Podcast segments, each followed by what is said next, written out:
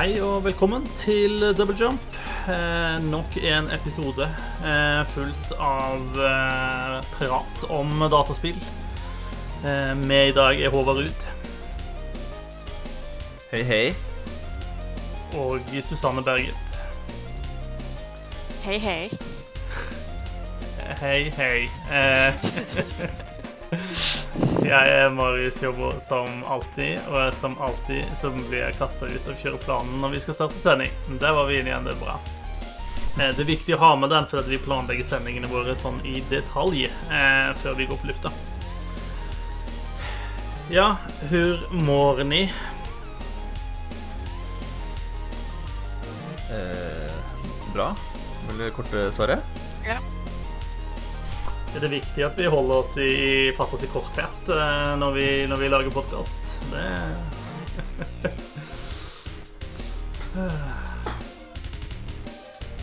Det ser rotete ut hos deg, Susanne, på Twitch-streamen vår. Well, excuse you. Ja, det var ikke egentlig ment negativt. Det er litt sånn homey, koselig på en måte. Ja, jeg kan sette pris på det. Ikke noe sånn clean desk uh, free seating policy eh, hjemme hos deg. Eh, nei. Det tror, tror vi ikke på her i heimen. Nei. Free seating er jo bare noe kapitalismen har funnet på for at du skal komme tidligere på jobb for å få den beste plassen.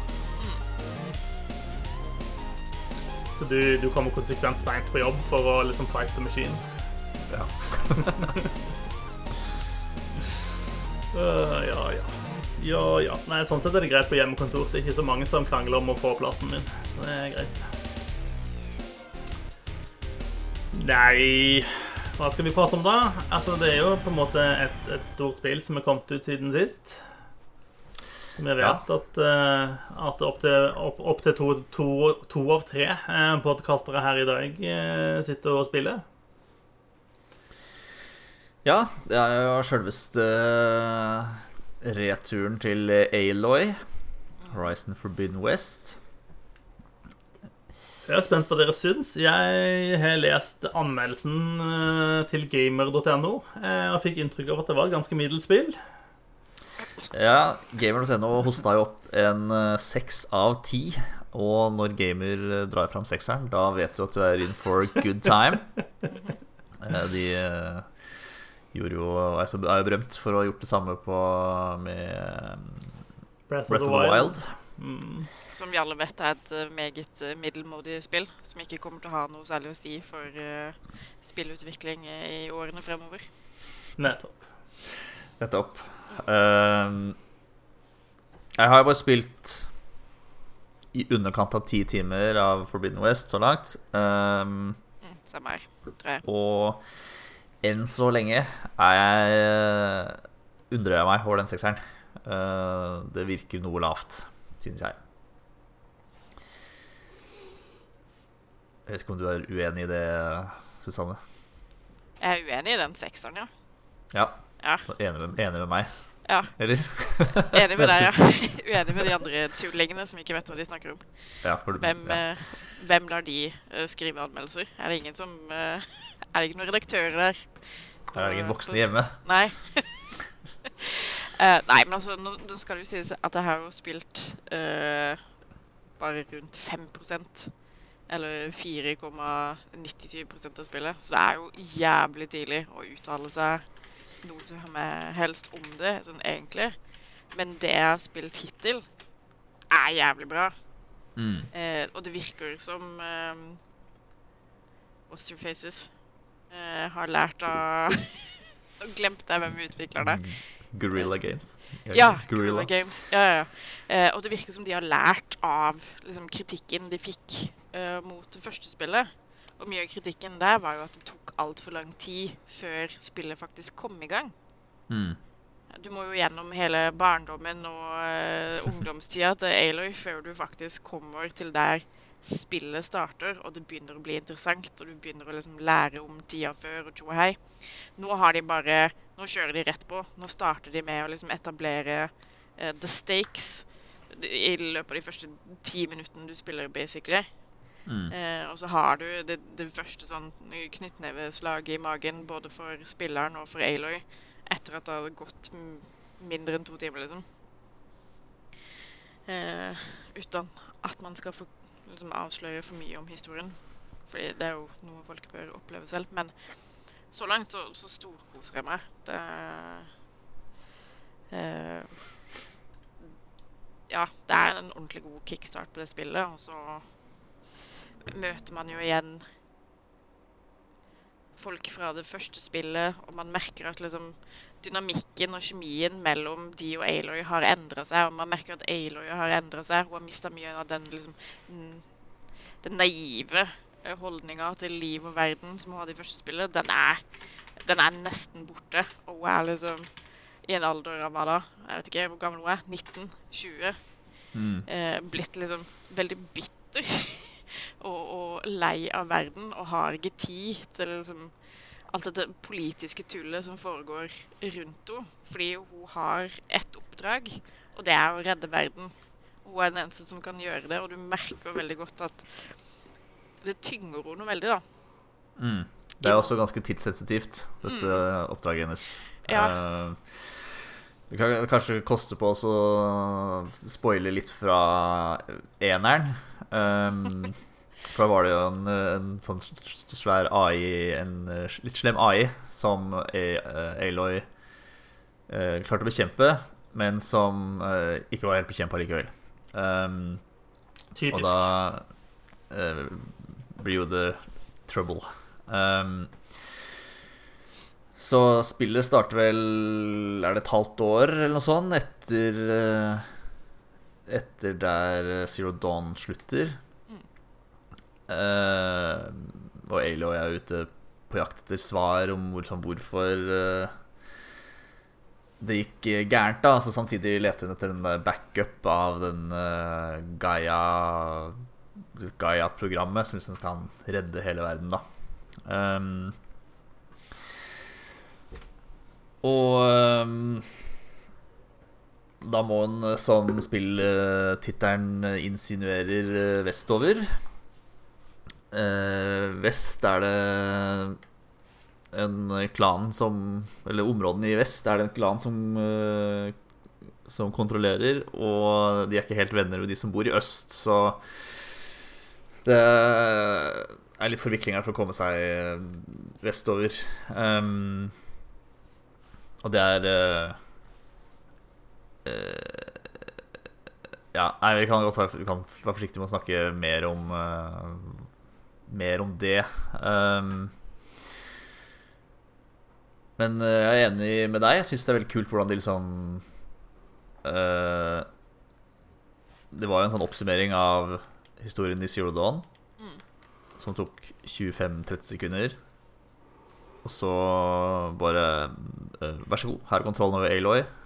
Uh, og så var det en litt sånn lineær tutorial-greie, for hun har litt, fått litt nye Nye knep i buksebeltet. Um, som du må vise, som må vise fram og lære hvordan du skal bruke og sånn. Uh, men det går ikke fort Det går ikke lang tid før du som er i Får liksom verdenen for dine føtter uh, og kan liksom ut og, og styre litt mer på egen hånd, da. Um, jeg syns Jeg det- ting jeg syns er veldig kult. Jeg eh, prøvde å stresse litt gjennom Zero Dawn litt, uh, før, uh, før Så jeg skulle rekke det før Forbidden West kom ut. Og um, Så da hadde jeg liksom ikke tid til å gjøre så mye Sidequest og sånn.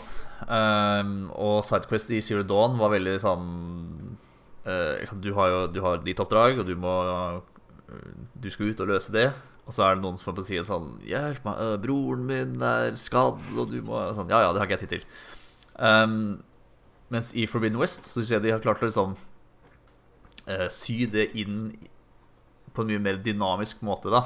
Så når du gjør en Mainquest, så låser du opp andre Låser opp sidequest som s- hvor med noen som trenger hjelp da pga. det som har skjedd i, eh, i Main Quest-oppdraget. Eller som, har, som får mer eller annen påvirkning på hele, hele verden, på en måte. Som gjør at uh, Nå gjør jeg jo alle sidequests jeg finner, um, fordi i hvert fall veldig mange av de er, uh, har en veldig logisk forklaring, da. Uh, og passer liksom blir mye bedre sånn bit av puslespillet, på en måte. eh, I større grad enn det jeg opplevde at de var i Zero Dawn, hvor det bare var en, noen folk som Å, jeg trenger eh, Jeg trenger en pels. Du må drepe en rev for meg, eller noe sånt. Um, Men du sa, er du sa tidligere, Håvard, at liksom, du, du snakket så vidt om main storyen og sa liksom at her er time is of the essence, og ting skjer og sånn. Og det det er jo veldig typisk i mange, mange litt sånn store spill at eh, og e- et eller annet fælt er i ferd med å skje, at du må redde det, og du har dårlig tid. Eh, men her kos deg med alle de random sideoppdragene og ut og utforsk, og du trenger ikke egentlig bry deg så veldig mye om at verden holder på å gå under, at du har dårlig tid, på en måte. Altså, er, den, er det den samme dissonansen her, eller er, mener du at de på en måte har designet Sidequest sånn at de passer bedre inn i det narrativet? Ja, stort sett så passer det bedre inn. Det er ikke sånn at uh, Eller i hvert fall ikke som jeg har sett så langt. Det er ikke en klokke som tikker ned, og du må runde til spillet innen uh, 20 timer, eller så uh, blir alt ødelagt, og alle dør, og du må begynne på nytt og prøve en gang til. Um, så du har jo den dissonansen der med at eh, de snakker hele tiden om at eh, det blir verre for hver dag som går.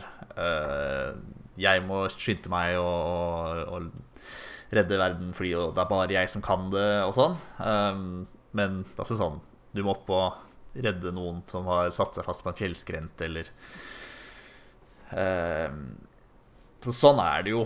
Men uh, jeg føler det er sånn Det er sydd mye tightere inn i uh, hovedfortellingen. Da, grunnen til at noen trenger den hjelpa, er av noe som har skjedd i main-historien. Riktig. Um, så det føles mer naturlig å gjøre sidequests, da. Til tross for at du uh, har litt I hvert fall har uh, den Hva heter det? Um, at noen tror du Eller du Skal de prøve å skape en illusjon av at du har dårlig tid? Det er det jeg prøver å si. All right. Ja, jeg syns, eh, de nye sidequestene er mye flinkere til å drive eh, hovednarrativet fremover. Mm. Eh, og det, det føles mye mer helhetlig, da. Eh, og det liker jeg veldig godt. Og du merker jo veldig godt på Aloy, eh, Aloy at hun er jævlig utålmodig. Er liksom, hun vil hele tiden pushe på eh, og komme seg videre og spurte fra A til B. Men samtidig så er hun jo også en person som bryr seg om andre mennesker. Eh, så hun må på en måte sette de tingene litt opp mot hverandre, da. Eh, ja, hun må redde verden, men hun kan ikke holdt jeg på å si, gi 100 slipp på hvem hun er som person. Og det er derfor hun gjør sidequestene, på en måte. Mm. Eh, det er i hvert fall sånn jeg tolker det. Mm. Ja, og det er alltid sånn når du aksepterer en Quest, så sier hun uh, 'Jeg skal se hva jeg kan gjøre'. Så det er liksom ikke Heller ikke noen lovnader sånn fra uh, hovedkarakteren i spillet heller, da. Um, og ellers så syns jeg de har uh, Syns de har forbedra så å si alt, egentlig. Uh, som parkour, klatring og sånn er uh, mye mer smidig uh, i det spillet her. Og det er rett og slett bare sånn de har lagt til flere klatrepunkter. Så det, så det ser litt smoothere ut, da. Det er ikke Du skal bare rett opp her, et skritt til høyre, så er videre opp igjen. Det er sånn Du har liksom mer en hel vegg å klatre på, eh, eksempel, som også er med på å gjøre ting eh, smoothere, da. Um, en ting som ikke gjør ting smoothere, kanskje, er jo at uh, hvis du har spilt gjennom Zero Dawn, så har du et helt arsenal av forskjellige pil og buer og eh, og sånn. Um, når du starter Forbidden West, så, så har du bare den ene bua. Og det er litt sånn litt weird at Aloy bare har droppa Nei, men altså, hun, hun sier jo det helt i begynnelsen av spillet, at hun har støtt på litt trøbbel på vei opp til det, den Farrow-bygninga, oh, ja. så hun har mista alt gearet sitt. Ah, ja, det var det jeg som ikke fulgte med. Ja. Eh, Da trekker jeg tilbake den kritikken. ja. Høres jo ut som en litt sånn billig måte, da. Å eh, liksom bare resette på, på en måte. Sånn Ja, nei, det var noe trøbbel på veien, så jeg mista bumerangen og grapple-hooken, liksom, denne gangen også. Eh, Men Ja. det er jo også for å gjøre spillet litt mer tilgjengelig for nye spillere, som kanskje ikke nødvendigvis har spilt det første, men er dritgira på Forbidden West.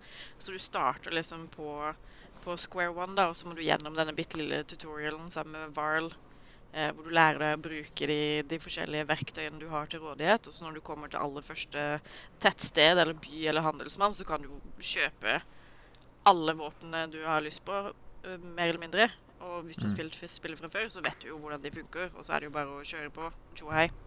Eh, men hvis man ikke har spilt det før, så er det jo greit å få en liten sånn gradvis tilvenning. Eh, og det syns jeg egentlig er et veldig bra grep, fordi eh, jeg ser jo for meg at de har lyst til at så mange som mulig skal spille spillet, litt uavhengig av eh, bakgrunn, da. Absolutt, og jeg skjønner jo hvorfor de gjør det. Det er bare en litt sånn, en veldig sånn klassisk ting. Når man lager en oppfølger, så må man på en måte resette karakteren litt, og det er ikke alltid det er like godt forklart hvorfor det ble sånn.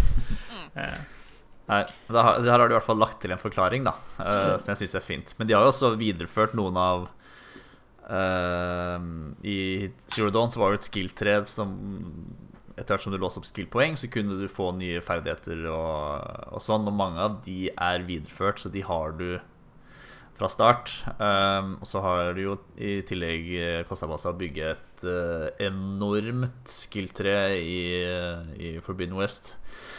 Så jeg tror det er 160 forskjellige skills eh, eller noe sånt. Eh, det tar en hel ettermiddag å lese gjennom alt for å liksom se hva er det jeg vil spesialisere meg i. Men eh, jeg jeg har spilt litt, så, så det hagler jo erfaringspoeng på, på deg. Så mm, det er veldig fort gjort å låse opp uh, nye ting, da. Ja, altså, jeg leveler litt opp etter hvert som jeg føler at det blir nødvendig. Altså, Så langt så har jeg ikke putta veldig mange poeng i Machine Master, men det er fordi jeg ikke har funnet den, liksom, den første cauldronen ennå som gir meg override eh, skills til de nye eh, maskinene. Mm. Eh, så frem til jeg finner den, den, så driter jeg litt i Machine Master, eh, på en måte. Og så putter jeg jævlig mye poeng i Warrior, for eksempel. Fordi jeg spiller Aloy som en videreføring da, av Aloy fra første spillet. Nå er det ikke så mye sniking og være forsiktig og, og liksom teste vannet før du hiver deg uti. Nå er det bare å gå inn guns blazing, og det er kjempegøy, men jeg dør veldig ofte. Eh, så jeg har også putta poenget liksom eh, Hunter for å, få, for å få mer fokus, eller mer concentration, så ting går i slow-mo. Og Mm. litt mer i Survivor, sånn at eh, jeg får bedre utbytte av disse bærene jeg må trykke i meg hver gang eh, helsa mi dropper faretruende lavt. Um, Ja, da, da spiller vi litt motsatt av hverandre, for jeg har har desidert mest i, i Stealth-treet, og en del i eh, Machine eh, Master, eller hva det heter for noe. Eh, Men også i Jeger Hunter, da. Um, Fordi jeg syns jo det er desidert gøyest å spille dette spillet og snike seg rundt og, og være stealth. Eh, men det er også veldig fort gjort at det går gærent, og da angrer jeg jo veldig på at jeg ikke har eh, eh, noen andre skills, da. Man blir jo litt sårbar hvis man kun belager seg på, på stelting Men synes dere liksom, altså Du sier det er et kjempestort skill-tre og masse å velge og sånn. altså Føler du at det du, du kan på en måte bygge opp karakterene etter den spillestilen du sjøl vil, da? Ja, i stor grad, men så får du jo også så mye skill points at du kommer jo sannsynligvis til å ende opp med å kunne bygge deg en, en ordentlig hybridkarakter. Og det kommer sikkert veldig mange til å gjøre, fordi det er så mange fasetter i det spillet her, da. Alt fra sniking og til uh, Jeg vil basert på erfaringen fra Zero Dawn, så vil jeg anta at du skal slåss med noen ganske enorme maskiner eh, etter hvert. Og de eh, Du får jo ikke sneket de til døde, for å si det sånn. Nei, nei. Ja, men det er jo bra. Du, altså, kan du på en måte skre- skreddersy karakteren din liksom akkurat i de retningene du vil, eller? Altså eh, Eksempelvis i Assassin's Creed Valhalla så er jo på en måte skill-treene såpass uoversiktlig at du må hele tiden plukke ting som ikke nødvendigvis er det du egentlig vil ha, for å komme til de tingene du vil ha. Er, dette på en måte litt mer sånn lineært designa, sånn at du kan ta de tingene du faktisk har lyst på? Jeg opplever det som ganske fritt, egentlig. Eh, alle skill-trærne har sånne superskills, håper jeg å si, um, som låses opp ved at du uh, De er litt sånn diamantforma, uh, skill-trærne, så uh, de superskillsene låses opp ved at man har At man låser opp skills som liksom connecter til den, da. Så du må liksom skille opp rundt før du liksom får den superskillen. Så det er ikke sikkert man vil, eller i utgangspunktet ville ha alle de skillsene som trengs, men du vil jo gjerne ha den superskillen. Den ene i stealth gjør at du kan bli helt usynlig, f.eks. i en liten periode. Um, som jo er eh, er kjekt. Um, men da må jeg altså skille sånn rundt hele den, eh, den superskillen som er i midten, da, på en måte. Uh, og få skills som jeg sånn, tenker at dette er ikke essensielt for meg, men jeg må ha det også, på en måte. Um, men stort sett er det ganske I hvert fall så langt opplever at det er ganske stor frihet i hvordan jeg uh, ikke bare bygger karakteren min, men også hvordan jeg spiller karakteren og løser uh, oppdragene som, og utfordringene man får. Men det er bra. Ser, eh, ser spillet så lekkert ut som man eh, får inntrykk av fra, fra screenshots. Ja. Uh, vi er uh, definitivt i en ny konsollgenerasjon uh, med, det- med det spillet her. Ja. Um, Fy fader, det er så pent. Eh, Vi uh, toucha jo innom det i sist eh, Liksom bare hvor detaljert spillet er. da Hvis du går inn i fotomode og zoomer inn på ansiktet til Aloy, så ser du streker i leppene, kan telle øyevipper. Eh, dette berømte dunet hennes, for eksempel, eh, kan du også Skjegget. Skjegget. Skjegget. Mm. Skjegget ser man jo også. Um, og jeg, eh, jeg har satt eh, mitt spill i performance mode. Jeg vil gjerne ha eh, mange frames, men jeg ser Jeg sliter med å se forskjell da på hva heter det, fidelity mode og performance mode. Um, og du, hver plante, hver blomst liksom kan skilles fra hverandre, og det er uh, Ja, det ser helt vanvittig pent ut. Rett og slett. Og til tross for det så er det jo knapt lastetider. Um, Gorilla Games har vel sågar gått ut og sagt at de har liksom måttet gjøre lastetidene lenger. Eller du må trykke håper å si, continue for å komme ut av lasteskjermene. For ellers hadde du ikke rukket å lese tips på, på, last, på lasteskjermene. Så Nei, det er teknologi, teknologi er er fint. Gå framover, er det du sier. Ja, Mm. det kan man si. Men de har jo også fått til liksom, en enorm bredde og et enormt mangfold bare liksom, i NPC-ene sine, føler jeg. Mm. Det er så mange av de du støter på som føles ut som og ser ut som ordentlige mennesker. Så du tenker at hei, shit, denne personen har jeg sett gått forbi på gata på et eller annet tidspunkt. Eh, og det er veldig lite eh, kopiering da, av ansikter og sånn eh, i bakgrunnskarakterer, føler jeg. Mm. Selv når de har på seg eh, hjelmer og masker og sånn, så ser du på en måte at det er liksom små forskjeller her og der som skiller karakterene fra hverandre, da, selv om de bare står i bakgrunnen.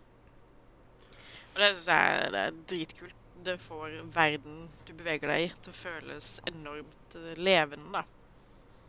Eh, noe som igjen eh, gjør at du kjenner litt mer på det stresset som Aloy kjenner på, fordi du liker denne verden, og den er liksom den er, veldig, den er veldig kul. Den er veldig fin. Det, menneskene føles ut som ekte mennesker. Så det føles ut som det faktisk er noe som står på spill. da. Mm.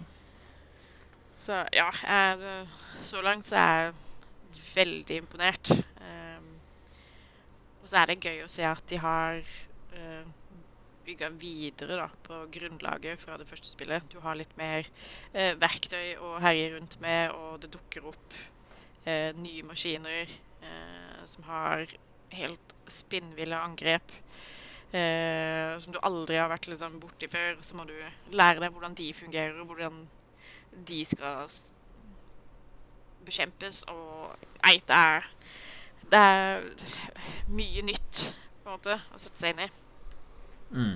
Eh, og det syns jeg er kjempegøy.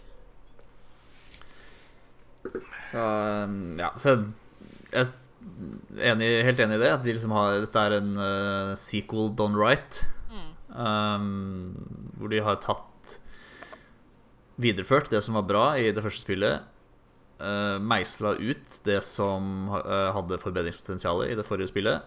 Um, jeg opplever ikke så ofte at piler liksom går rett igjennom fiender uten å gjøre skade og sånn. Det skjedde forferdelig ofte i Zero Dawn.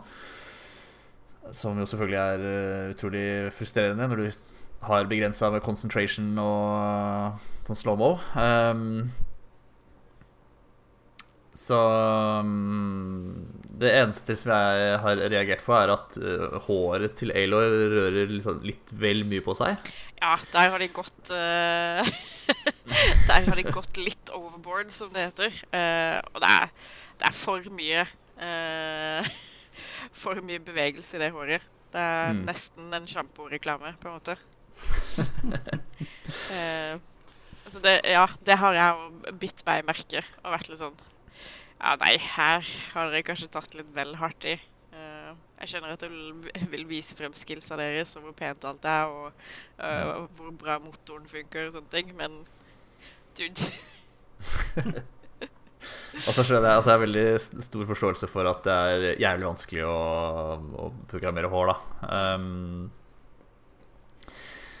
um, men, eh, men ja, det ser litt, ser litt wonky ut. Men det er liksom også den ene tingen som uh, har festa seg hos meg, da, som uh, jeg kan pirke på. Um, så langt uh, Dette spillet innfører jo også dykking. Um, du kan liksom utforske huler og, og omgivelser under vann. Um, Det pleier jo ikke å være en høydere i spill.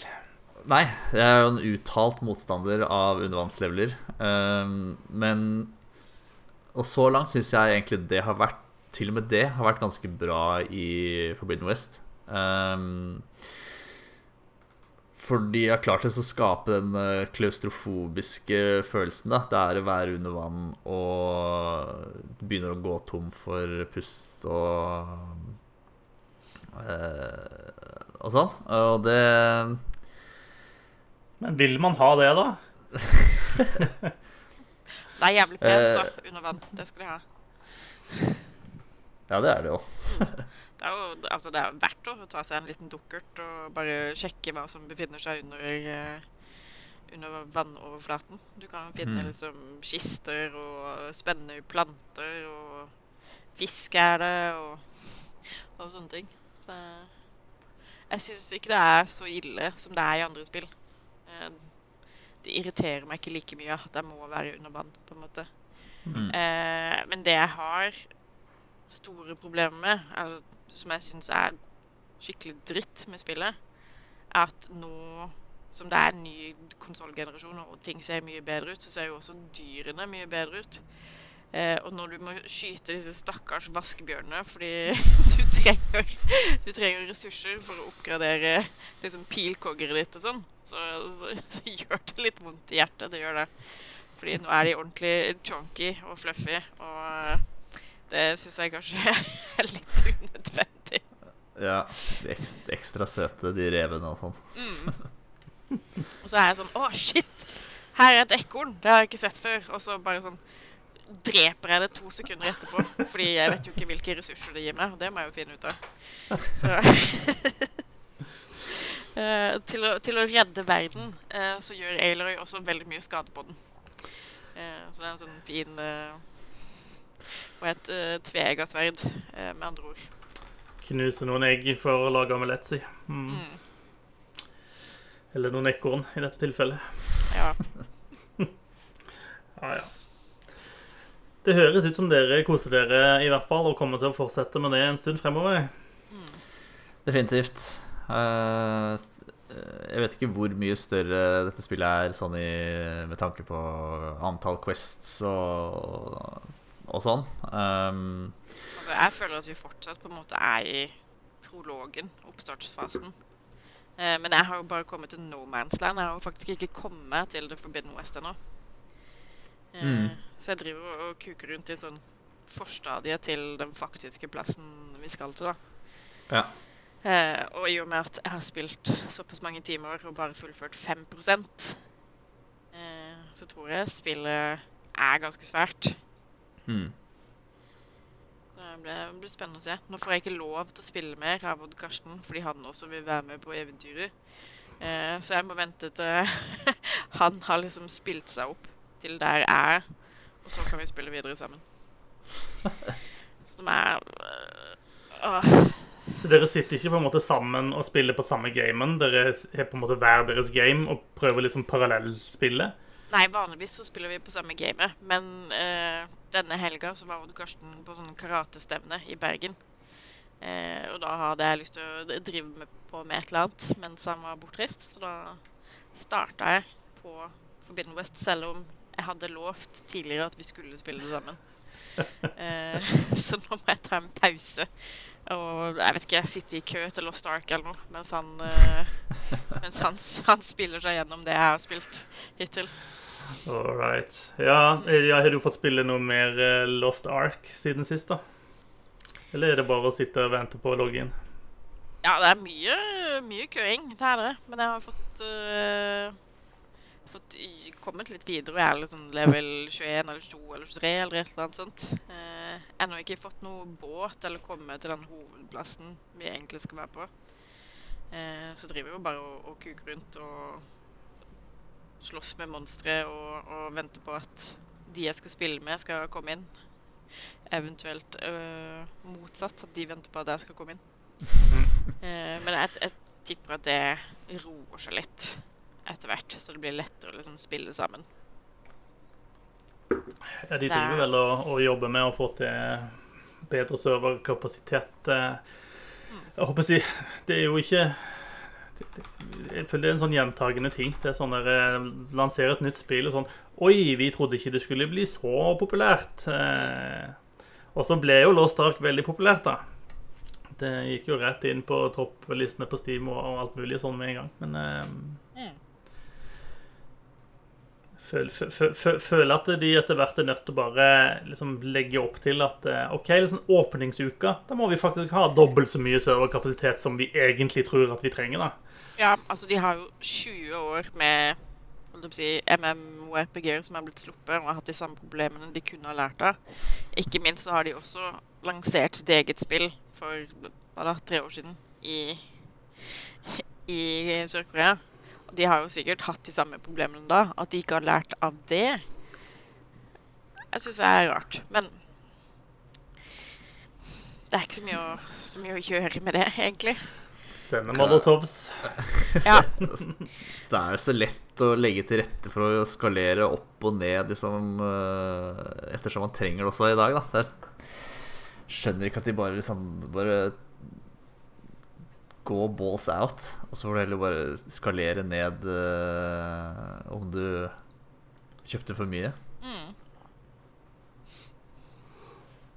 Jeg, jeg har jo spilt litt MMO-er opp gjennom årene, eh, men aldri vært sånn all in eh, på, på liksom en MMO og brukt og sunket tusenvis av timer inn igjen. Eh, så når eh, Håvard tidligere har prata om sånn eh, Ja, nei, jeg logger meg inn eh, liksom på, via mobilen rundt lunsjtider på jobben, sånn at jeg logger inn når jeg kommer hjem eh, etter jobb, liksom. Det, det høres bare fryktelig pussig ut for meg, at det er nødt til å være sånn, liksom. ja. Ja, det burde, burde være unødvendig. Ja. In this day and age. ja, ja. Men OK. Men det er det du har spilt eh, da i det siste, Susanne? Du har 20-spilt Horizon og har sittet i kø til Lost Ark, rett og slett. Ja. Mm. Ja. Living the high life. Uh, det er det glamorøse uh, spillanmelderlivet. Yes. og deg, Håvard, er det eh, stort sett Horizon det er godt i, eller? Holder du Ja, på jeg- med Forza Horizon og, og presser ut noen sånne challenges der også, eller? Ja, hvis jeg ikke spiller eh, Horizon på PlayStation, så spiller jeg Horizon på Xbox. Eh, jeg har igjen eh, denne uka her eh, tre daily challenges, og så en eh, uke til med alle weekly challenges og sju daily challenges. Så får jeg den siste achievementen i Forza Horizon 5, og da blir det nok å, å roe ned litt til det kommer noe DLC. Som jeg med Med mer achievements? regner menneskelaget. Hmm. Ja, nei, men bra. Jeg har, jeg har spilt litt grann eh, Crusader Kings 3. Eh, Det kom jo en eh, utvidelse der for en liten stund tilbake som heter for Royal Court, tror jeg. Eh, som er en sånn Eller en, litt stor utvidelse, da. Den koster vel rundt 200 spenn eller rundt opp der et eller annet sted. Um, skal si, På en måte så, så reintroduserer den en del ting som var å finne i Crusader Kings 2, eh, men som ikke var på plass til liksom, originalreleasen av Crusader Kings 3. da. Eh, som du, du får blant annet mange flere titler og roller som du kan, eh, kan assigne til, til folk i courten din. da. Eh, masse sånne Master of the Hunt og Cup Bearer, eh, Bodyguard, Food Taster. Eh, en, og så har de litt sånn Litt sånn småtteri. Eh, ulike effekter de gjør, da. Eh, mye av det, mange av de er jo bare for å liksom holde folk fornøyd. Det er sånn der ja, jeg vet du har lyst til å sitte liksom, i rådet mitt på min høyre side og styre økonomien, men du er en ræva økonom, så det får du ikke lov til. Men her, ta denne liksom, trøstetittelen.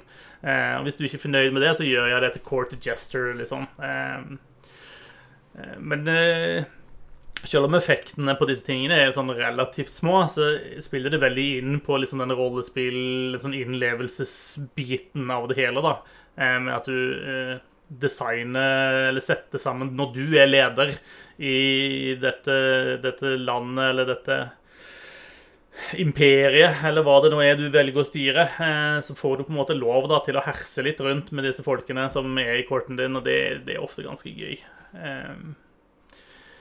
I motsetning til Crusader Kings 2 så er jo ting nå 3D-modellert. Hei, snakker om, og teknologien går, går fremover. Eh, så i Royal Court så får du da sånn faktisk se eh, tronrommet ditt. Eh, og du får se de ulike menneskene i courten din som liksom er i det. Eh, og de har også et system for da å eh, eh, pynte opp, eh, utsmykke eh, tronrommet ditt. Eh, Med et sånn artifact-system. da. Eh, Og da, da kan du kan få artifacts på mange forskjellige måter, men stort sett sånn du kan hyre inn flinke craftsmen til å lage et eller annet, og så kaste masse penger på det i håp at de er flinke og klarer å produsere noe av god kvalitet, og ikke noe crap. Um, og noen av disse tingene kan jo da gå i arv, sånn at når din leder dør, og den arvtakeren skal overta, så er det sånn her du, du arver dette dette sverdet og denne striematta liksom ifra far din. Ja, hurra. Um, Og så er det, eh, altså jo masse eh, Med hver utvidelse i spillet Paradox så kommer det også en gratisutvidelse i tillegg som legger til masse småtteri hele veien.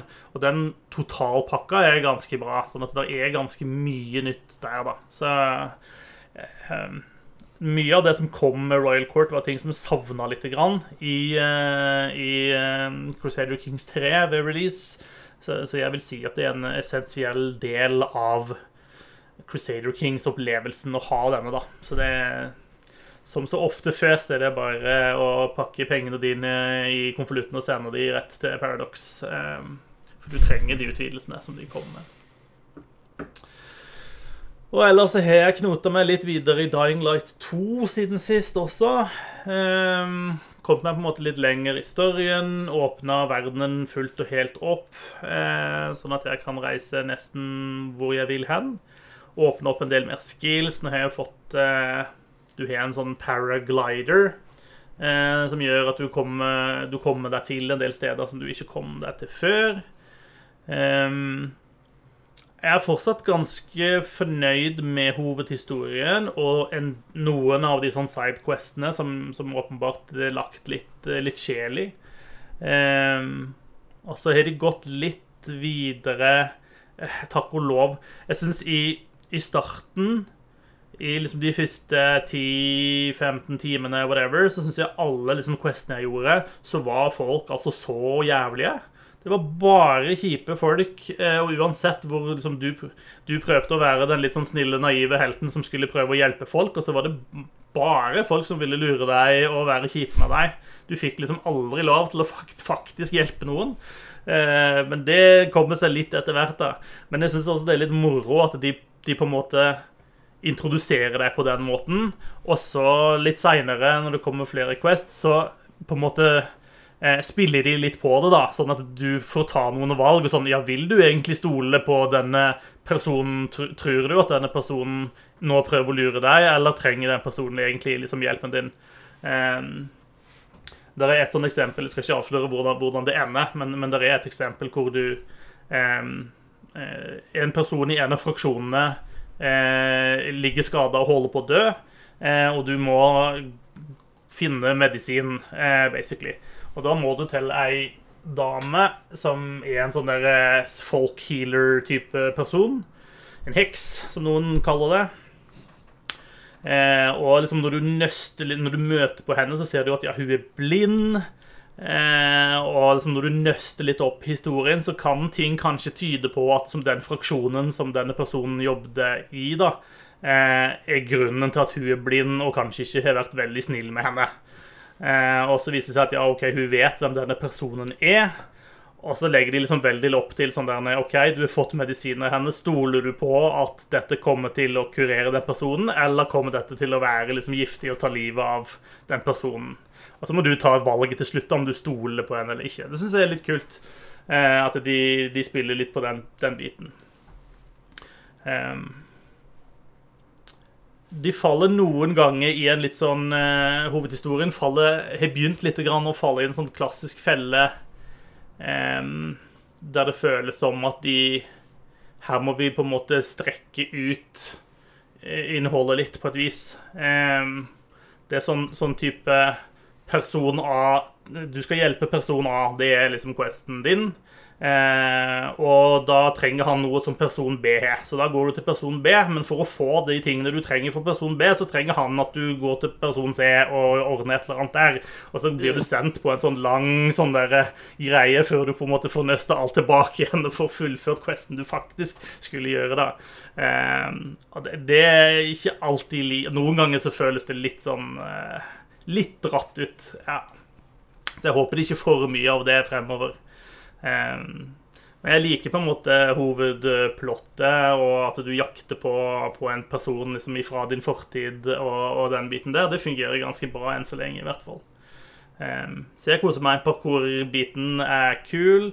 Så er det noe med Jeg er ikke så glad i uh, altså Du er en åpen verden, og der er liksom masse, masse ting, masse oppdrag, masse sånn um, For eksempel hver natt så altså, der er, er liksom butikker der det er liksom spesielle ting du kan hente ut. Eh, men ting respawnes hele tida. Eh, og for en person som meg, som liker å liksom krysse av ting Nå har jeg gjort det. Eh, så er det litt frustrerende, fordi du får ikke krysset av ting. fordi at neste natt så er på en måte, kan du gå inn der igjen og lute på nytt igjen. på en måte. Eh, og det er på en måte med å gjøre verden litt mindre levende, syns jeg. da.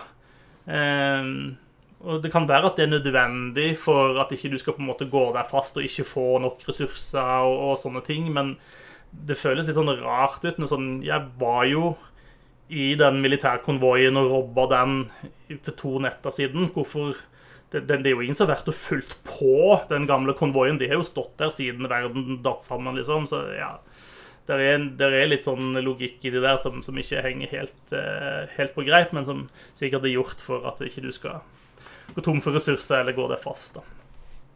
Så det, det, er noen sånne ting som skurrer litt, men, men overall så er det fortsatt, uh, er det fortsatt moro. da. Hmm. Jeg er spent på hvordan hovedhistorien ender til slutt. da. Uh, om, de, om, de, klarer å pull that off på en tilfredsstillende måte. Det, det blir spennende. Vi skal ta litt spillnyheter. Eh, det ble jo den helga som var, annonsert eh, Capcom hadde vel en sånn eh, counter gående på nettsidene sine. Og den viste seg da å telle ned til annonseringen av Street Fighter 6. Neste runde i det gode, gamle slåssespillet.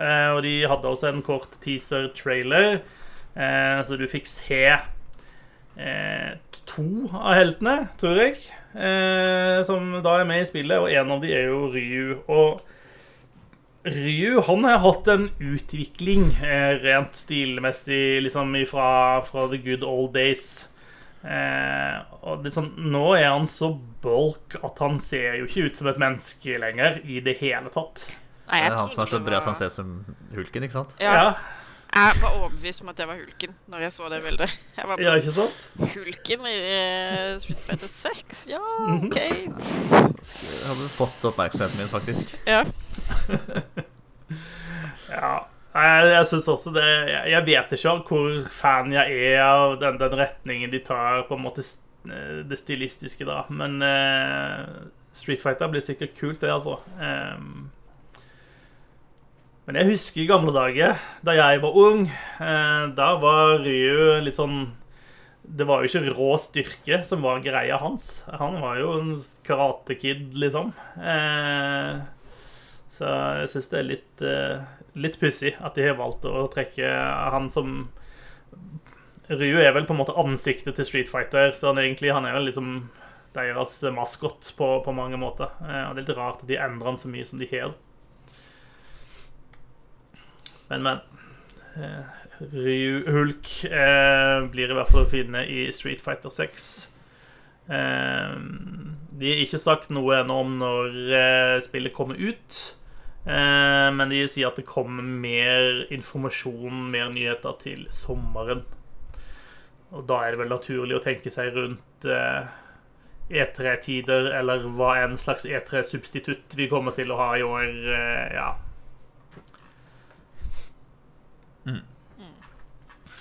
Så eh, for de som er glad i fighting-spill, eh, så er det bare å glede seg, tror jeg. Eh, så har vi en nyhetssak fra E24. Det er ikke så ofte jeg er inne der når jeg henter nyhetssaker til, til denne podkasten. Eh, men der har altså rett og slett Storebrann eh, godt tatt det skrittet å ekskludere Activision Blizzard fra sine sånn, investeringsportefølje. Eh, fordi at de mener at de ikke klarer å leve opp til liksom, de etiske retningslinjene som Storebrand setter for sine, sine investeringsanbefalinger. Jeg leste saken, og jeg syns den var utrolig dårlig skrevet. Hvis man liksom ikke uh, er inne i investeringslingo. Uh, for jeg skjønte liksom ikke Eller måtte tenke meg om, da. Prøve å skjønne liksom hva ekskludert fra hva da. Er det sånn Dette syns du ikke noe om, og det har du skrevet en lang, lang, lang, lang, lang sak om. Uh, så jeg måtte liksom bare uh, måtte langt ned i saken før det handla om uh, Storebrands aksjer. da Det står i saken at de har aksjer i over 4500 selskaper og, og bla, bla, bla. Um, men, uh, men det er bra at de markerer sitt Markerer standpunkt i denne saken som Activision Blizzard har håndtert veldig dårlig. Ja, og det virker jo på meg da som at, uh, at Storebrand på en måte her har gjort sin due diligence uh, også. Uh, de har Mm. liksom over lang tid prøvd å ha kontakt med Activision Blizzard. prøvd å liksom få informasjon ut fra de hva gjør dere for å på en måte endre praksis. Og har vel konkludert med at de gjør svært lite for å endre praksis. Og ender da med å bute de ut. Jeg tenker sånn eh, ja, Jeg vet ikke hvor, hvor stort impact det har for, eh, for bransjen som sådan at, at Storebrand gjør dette, men jeg syns det, eh, det er en indikasjon på eh, det vi har pratet om tidligere i podkasten, at eh, det, det, det har vært så uholdbart over så lang tid, det som har foregått i Activision Blizzard. Eh, og jeg tror dette er med på å forklare eh, hvorfor eh, de var så ivrige på å kaste selskapet til Microsoft når de kom og, og ringte på døra. Eh, fordi jeg tror de så at dette, dette kan bære raskt eh, utafor nå, hvis ikke de gjør noe. Så. Men det er jo likevel pussig at man liksom nå, fortsatt her i dag, i liksom em, midten slash mot slutten av februar, så er det fortsatt sånn at det er ingen tegn til bedring, mener investorene, da. Mm. Eh. Men det var vel kanskje som forventa. Eh, in other news eh, Vi har jo prata om Horizon eh, Forbidden West. Eh, og vi har prata om achievements, eller trophies, som det heter så fint på PlayStation-språket. Eh, og så vidt jeg har skjønt, så har altså Sony da gående en kampanje hvor hvis du får en spesifikk Eller for, for hver person som får en spes, den spesifikke trophyen i Horizon Forbidden West, så eh, planter da eh, Sony et tre eh, for deg. Jeg skulle egentlig ønske det var sånn for hver person som får dette trofeet, så går vi og slår en NFT-er i trynet. For eksempel. Da hadde jeg kjøpt en kopi til. Ja. Laget en ny konto og alt mulig. ja, ja, ja. måtte Altså, i det minste, måtte, du måtte i det minste fått liksom bevis. Altså, da må, føler jeg Noen måtte burde tatt et bilde når dette skjedde, og så klistra det på en diplom og sendt den hjem i posten din. liksom. Ja. altså plante trær er det vel og bra, det, men det hadde jo vært en fordel å stoppe de tingene som gjør at trærne blir kappa ned in the first place. Eh, for å få plass til serverfarmer og eh, bitcoin mines og guden vet hva. Yes. Eh, I hvert fall. Hvis du har lyst til å bidra, da så det er ikke veldig langt man trenger å spille. Eh, og det er en eh, et trophy som er uh, knytta til main-historien. Um, så um, det, er, det er veldig oppnåelig eh, å bidra til dette. Nå, det, så vidt jeg skjønner, så stopper de ved 300 000 trær. Um, 288 000. Eh, eller 25. mars. Ja.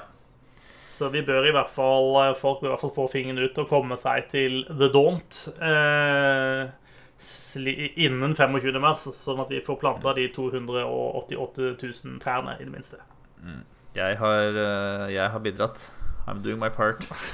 Det er bra. Uh, ja, ja Jeg vet ikke, er det en sånn Hva, hva syns dere? Er det sånn Er dette en fin ting? Eller er det en sånn Er det en litt sånn eh, uggen ting, på en måte? Sånn for å få folk til å spille spillet sånn? Se, se vi gjør snille ting, eller syns vi dette er bare awesome? mest holdsom, kanskje.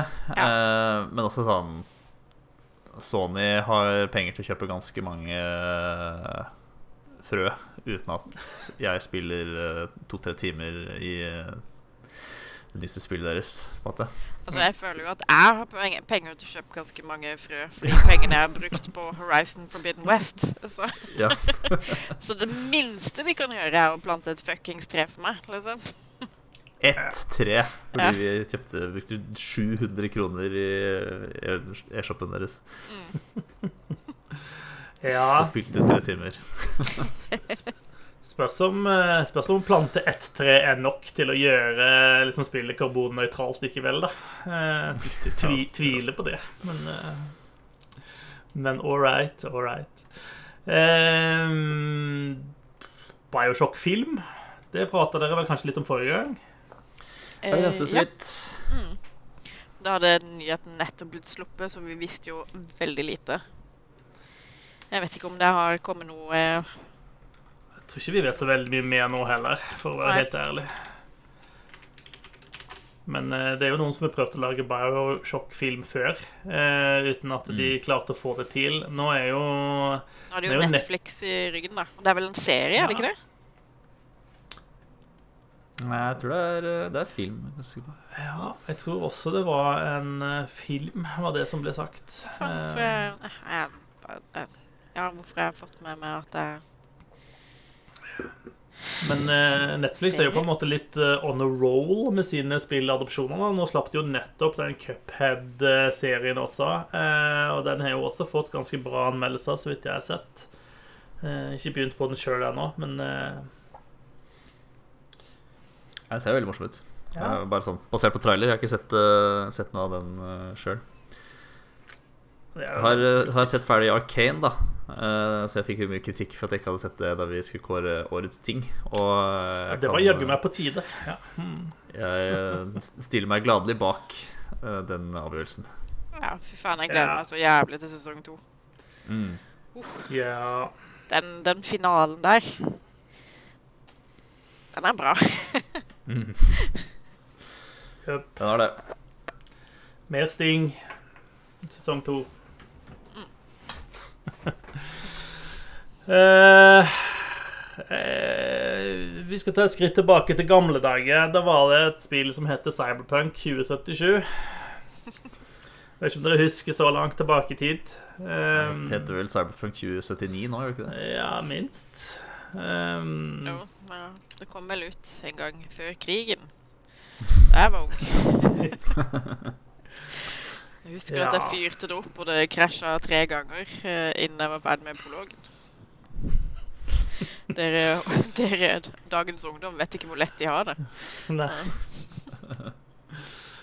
Øh, ja, i hvert fall Cyberpunk 2077 er nå endelig tilgjengelig på PlayStation 5 og Xbox Series X. Det vil si, det har jo vært tilgjengelig på de tidligere, men nå er liksom den optimaliserte eh, versjonen eh, kommet til de plattformene.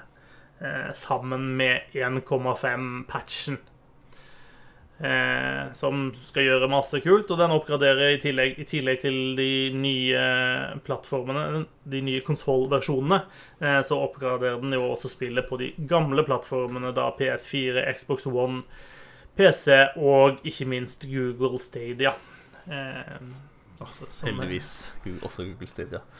sånn, jeg, vet det, jeg vet ikke hvor relevant Google Stadia var når Cyberpunk slapp, eh, men det var sikkert det er sikkert mindre, enda mindre relevant nå enn det var da, i hvert fall. Ja. Ja. Jeg syns det er litt rar timing, eller litt dårlig timing kanskje, for uh, For å endelig få ut den oppgraderingen. Det er veldig mange som er opptatt med å spille For det første er veldig mange opptatt med å spille eh, Forbidden West. For det andre kommer Elden Ring uh, på slutten av denne uka, som sikkert vel så mange, om ikke flere, vil være opptatt med å spille ganske lenge. Så um, Ja, men hvis du tenker da altså, De har jo fått så mye flak eh, for måten de botcha hele releasen på Cyberpunk. Skulle de liksom ut og sagt nå at Nei, vi utsetter disse et par måneder til vi fordi det er så mange andre gode spill som kommer ut. Det, jeg tror ikke det hadde, hadde gått så bra, det heller. Jeg vet, jeg vet ikke hvor tydelig de annonserte at det kommer uh, siste halvdel av februar, men uh, hvis de liksom ikke har sagt så mye Og de visste jo at disse to spillene skulle komme også, så hadde de bare Vi slipper det i slutten av mars, vi. Så hadde det sikkert gått fint. Ja, ja. Men jeg, jeg, tror nok at CD Project Red sikkert nå eh, tenker mye mer på Cyberpunk 2077 som sånn lifetime av, av produktet enn at sånn og yes, nå slipper vi de optimaliserte versjonene, så nå skal vi selge masse kopier akkurat nå. Um. Dette er på en måte for å få de opp og gå, få rydda vekk mer av det som var trøblete i, i spillet, sånn at de etter hvert kan begynne å faktisk produsere nytt innhold eh, til, til, spillet. Vi er jo det som har kommet av nytt innhold til det spillet siden det starta, det er ganske minimalt. Tror jeg. Da snakker vi sånn en jakke og et par sko eller noe sånt. Liksom. Det, ja. Eh, men 1.5-patchen er veldig stor, da, eh, så for all del, du kan gå inn og, og, eh, og finne, finne, masse om det. Jeg tror de har et nytt system nå som gjør at du kan kjøpe leiligheter rundt forbi. Sånn at du ikke bare er stuck med den ene leiligheten du får, men nå kan du bruke pengene dine på å kjøpe noen leiligheter. Og så har de vel drevet og snakka om at de skulle på en eller annen måte skulle forlenge noen av disse romansene eh, i spillet. Jeg er litt usikker på akkurat hva det innebærer. Eh, for jeg har nesten litt sånn inntrykk av at det er bare sånn tekstuelt. Altså at, mer at du får, du får tekstmeldinger og bilder tilsendt på telefonen din fra de du er i forhold med. Litt sånne ting. da. Eh, men, men, men, kanskje ikke noe sånn vesentlig endring på, på eh, romansen din. Vi får se. Jeg tror fortsatt det blir ei lita stund eh, til jeg plukker opp Eh, Cyberpunk igjen. Eh, jeg føler de må gjøre mer enn bare å få spillet til å virke eh, før jeg kjører på det. Jeg runda jo spillet når det kom ut, så jeg tror jeg trenger noe mer nytt innhold. Ja, det spiller meg nok gjennom Forbidden West i hvert fall før jeg gir Cyberpunk en ny sjanse.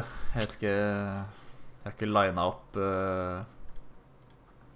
schedulen min her med spill uh, framover uh, ennå. Så jeg vet ikke helt hva jeg eventuelt må nedprioritere, eller om det er et rom der for å spille masse Cyberpunk. Det kan hende. Får se. Hvis det blir lockdown, ny lockdown til sommeren, så kanskje. Vi får ikke håpe det. Um, eller Eller Nei, nei, helst ikke. Og med det så tror jeg vi er ved veis ende eh, på slutten av denne sendinga. Eh, det var hyggelig å se dere igjen. Eh, jeg var jo borte forrige gang, så jeg har jo savna de trøtte trynene deres. I like måte. Ja, vær så god. Jeg er trøtt, for jeg sover ikke så mye som jeg burde om natta. Så det ja, Det gjør jo ofte ikke jeg heller. Jeg har jo ikke et lite jeg har ikke et liv jeg er ansvarlig for, annet enn mitt eget heller. Nei, jeg har ikke sovet siden før krigen. nei, barna Ungdommen i dag vet jo hvor lett de har det. Ja. Da jeg var ung, da måtte vi stå vakt eh, for, for, å passe på at ikke tyskerne kom og tok oss. Ja, det, ja. Mm, hele natta gjennom. I 30 minusgrader uten så mye som en vått på hendene. Ja. ja harde tider. Harde tider. Um, vi får håpe det ikke blir så hardt uh, frem til neste uke. Jeg regner med vi er tilbake igjen om en ukes tid. Takk for at du hørte på eller så på oss. Eh, det setter vi veldig uh, pris på. Uh, fra Gjøran, som ikke var med, og fra Susanne og fra Håvard og meg. Eh, håper vi at eh, du holder deg frisk eh, og har det bra en uke til. Og så eh, snakkes vi da om syv dagers tid. Hei så lenge. Shout-out til Omnikime, som uh, stakk innom streamen for første gang i, i dag. Ha det bra. Bye. Bye.